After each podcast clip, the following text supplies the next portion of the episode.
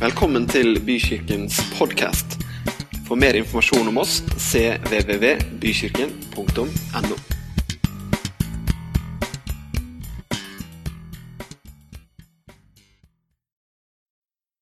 Riktig god påske, alle sammen.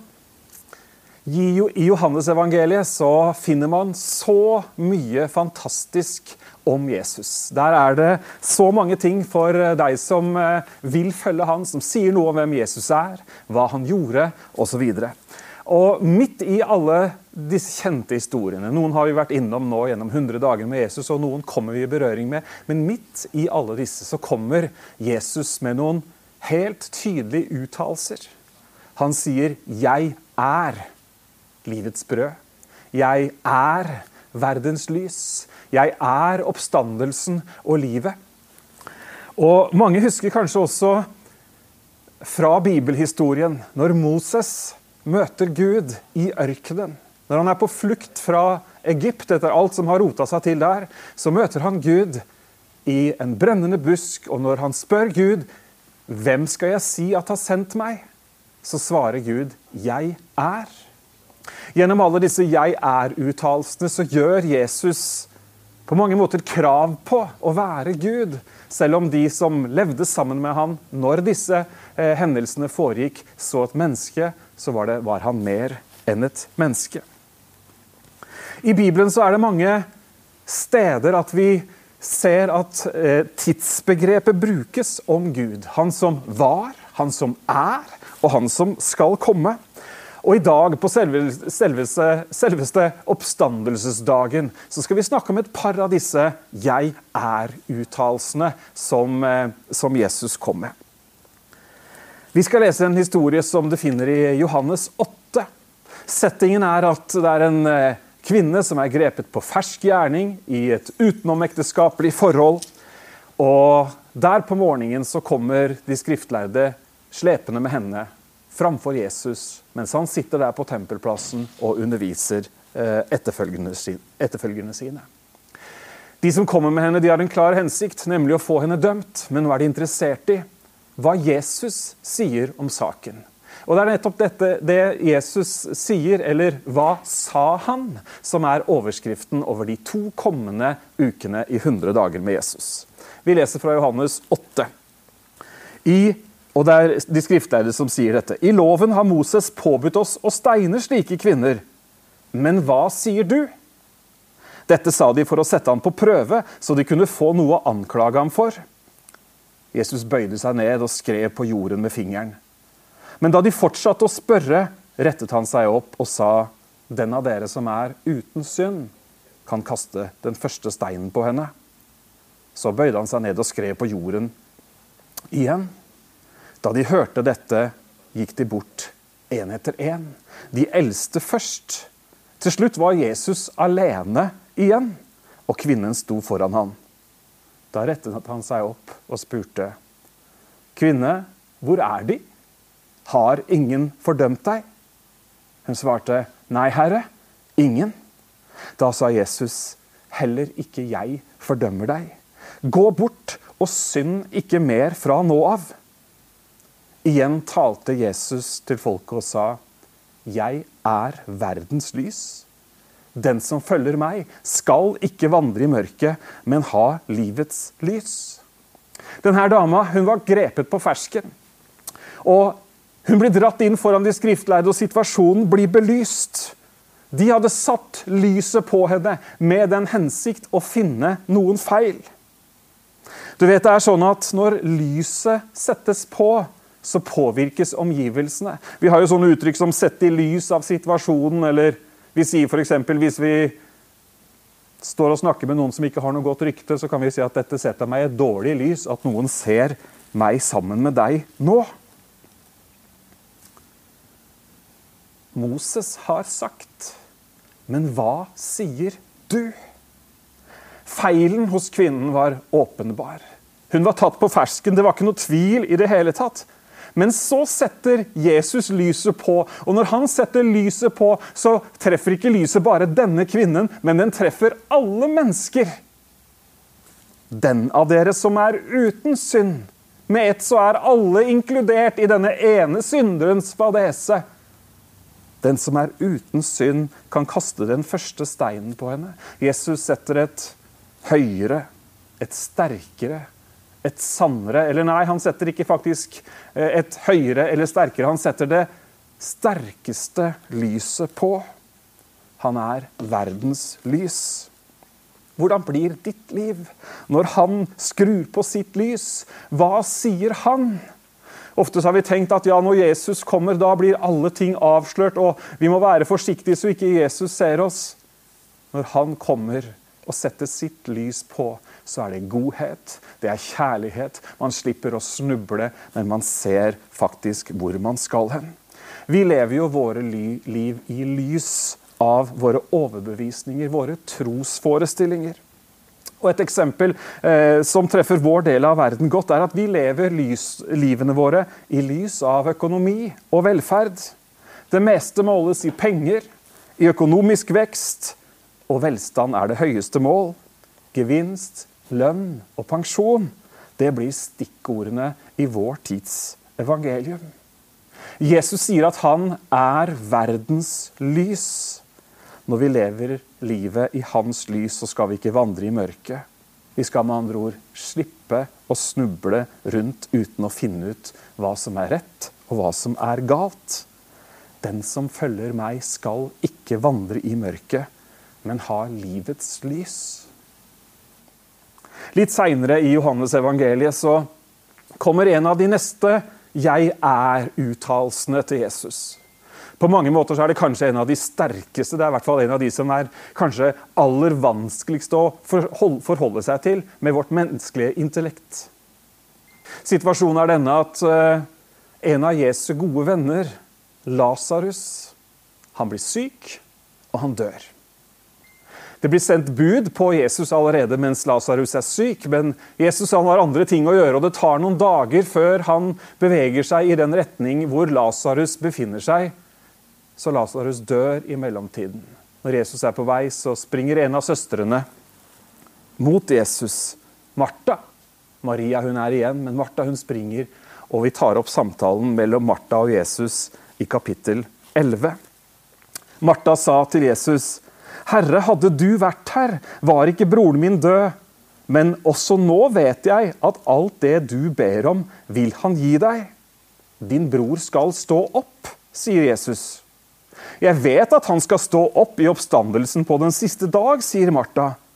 Jesus sier til henne, 'Jeg er oppstandelsen og livet'. Den som tror på meg, skal leve om han enn dør. Ja, hver den som lever og tror på meg, skal aldri i evighet dø. Tror du dette? Ja, Herre, sier hun.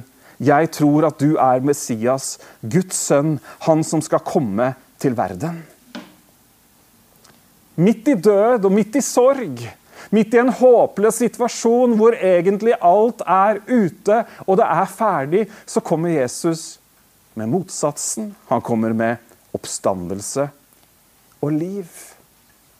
Og Du kan lese resten av historien, men jeg kan gi deg et lite pek. Den ender bra. Lasarus vekkes opp fra de døde. Jesus beviser at han er oppstandelsen og livet osv. Men dette med oppstandelse er ganske interessant. Jeg syns det er fascinerende at hvert eneste år så skaper Jesu oppstandelse, som skjedde for et par tusen år siden, skaper overskrifter i aviser og toppsaker i mediene hvert eneste år. Det er akkurat som det er et eller annet med denne oppstandelsen som vi aldri blir helt ferdig med. Det er ulike bevisførsler, det er ulike teorier, og jeg skal ikke gå inn i alle dem, men jeg lar meg i alle fall fascinere at Jesu Kristi død og oppstandelse er et tema, det er en hendelse som menneskeheten åpenbart ikke blir ferdig med. Så seint som for et par år siden så gjennomførte Norstat en undersøkelse eh, i den norske befolkningen. Og Spørsmålet var tror du på oppstandelsen. Og Det sjokkerende svaret syns kanskje noen, eller det nedslående svaret syns kanskje andre, var at en tredjedel av Norges befolkning tror på oppstandelse. Oppstandelse er nemlig noe som har noe med livene våre å gjøre, nettopp fordi at vi tror på et liv etter døden, og da er oppstandelsen helt og holdent kjemperelevant. På slutten av forrige århundre så levde det en eh, personlighet i England. Mr. Jode, professor i, eh, i filosofi ved London University. Han ble også en, en, en radiopersonlighet, han var skribent av ulike spalter osv. Og, så og han var en uttalt agnostiker. Altså en som tviler på om Gud i det hele tatt eksisterer. En gang så fikk han følgende spørsmål. Hvis du kunne velge deg én historisk person og få stille den personen ett spørsmål, hvem ville du da, hvilken person ville du møte, og hva ville du spørre om? Historien forteller at han svarte kort og kontant. Jeg ville møte Jesus Kristus. Og hva ville du spørre han om? Jo, jeg ville spørre han, sto du opp igjen fra de døde, eller sto du ikke opp igjen fra de døde? Nettopp av den årsak at hvis det er sånn at Jesus virkelig har stått opp igjen fra de døde, så har det en enorm betydning. Og Det er ikke uten grunn at dagen i dag, oppstandelsesdagen, første påskedag, er den gladeste dagen om du vil, i den kristne troen. For i dag så vi, minnes vi nemlig kjernen i det kristne budskapet om at Jesus Kristus kom til jord. Han tok våre synder på seg, han døde i vårt sted, og det endte ikke der.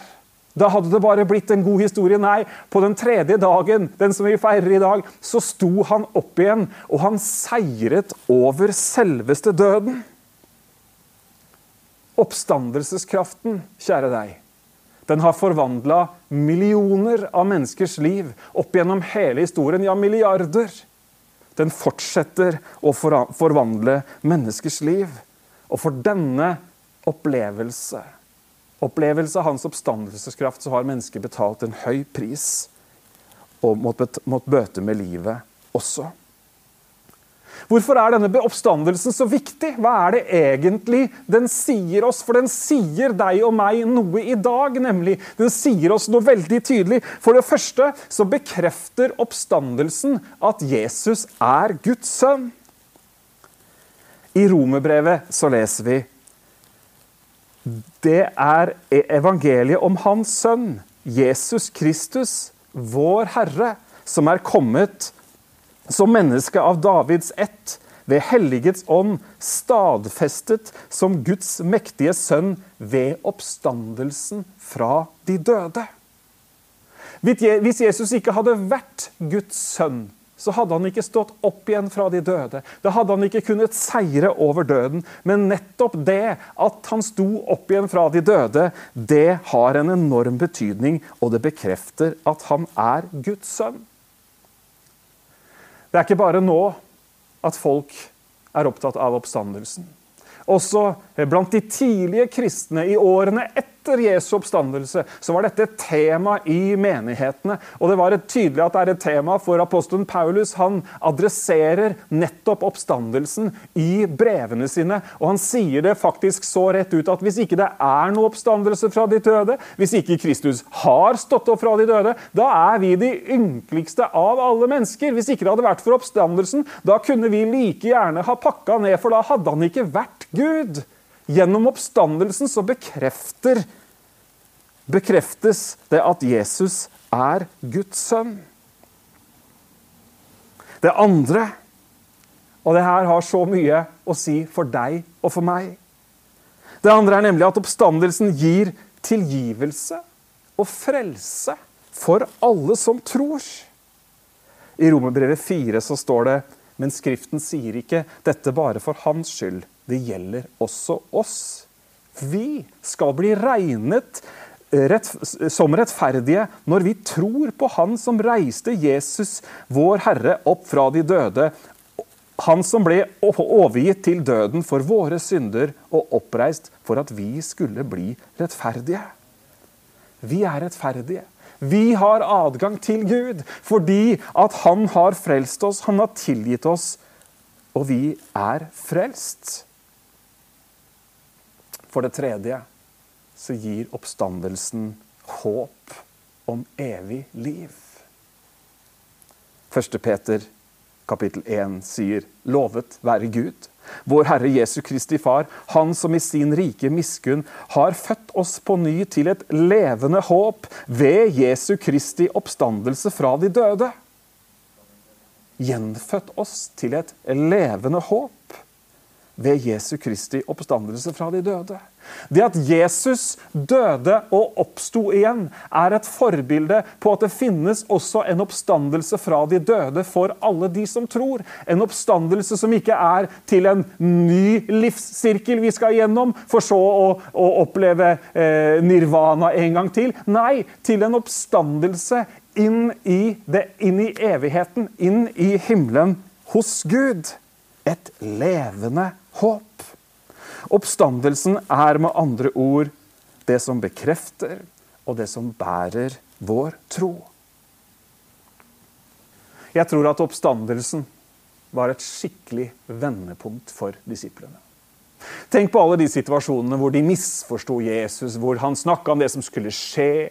Han snakka om ulike ting, og de, de, stilte spørsmål som han av og til ble oppgitt over i det hele tatt å få, osv. Og, og han snakka noe om at ja, han skulle dø og oppstå igjen. Og de hadde helt sikkert sine diskusjoner, ut, også utenfor hans hørevidde, om hvordan det ene og det andre skulle foregå. Og vi ser i evangeliene at disiplene de oppfører seg ulikt i ulike settinger. Men hvis du sammenligner evangeliene med apostlenes gjerninger. Og tenker at mellom evangeliene og apostlenes gjerninger så har det skjedd en oppstandelse. Så er det noen helt andre disipler vi møter i apostlenes gjerninger. Jo da, de hadde trodd på han. Jo da, de hadde fulgt han. Jo, de hadde sågar til og med forsvart han. Men i apostlenes gjerninger, når Jesus er stått opp igjen når det var Når det hadde blitt ropt fra korset at det er fullbrakt. Når de hadde kommet til den tomme graven, steinen var borte, engelen sa han som dere søker, er ikke her. Så skjer det noe i disiplenes liv. Oppstandelsens lys hadde strålt over det som hadde skjedd på korset, og gitt dem en forståelse av at han var Kristus på en helt annen måte ordet 'Herre' hadde fått en helt ny betydning. Etterpå så skal vi synge den sangen 'Deg være ære, Herre over dødens makt'. Oppstandelse fra de døde det er overnaturlig. Det er ikke rasjonelt i forhold til fysiske lover eller menneskelig forstand. Men det er mulig for Gud, for det er Gud som gir liv. Det er Gud som opprettholder alt liv. Og han har all makt i himmel og på jord. Jesus døde for dine og mine synder. Og så sto han opp igjen for at du og jeg skulle få leve et nytt liv sammen med ham. I dåpen så sier Bibelen at vi blir begravet med han og oppreist til et nytt liv. Paulus kommer med en oppfordring til deg og meg. Han kommer med en oppfordring til alle oss som har opplevd oppstandelseskraften i livene våre. Han sier i Kolossebrevet 3, kapittel 1.: Er dere da oppreist med Kristus, så søk det som er der oppe, hvor Kristus sitter ved Guds høyre hånd. La sinnet være vendt mot det som er der oppe, ikke mot det som er på jorden. Dere er jo døde, og deres liv er skjult med Kristus i Gud. Men når Kristus, deres liv, åpenbarer seg, da skal også dere bli åpenbart i herlighet sammen med Han. Jeg er verdens lys.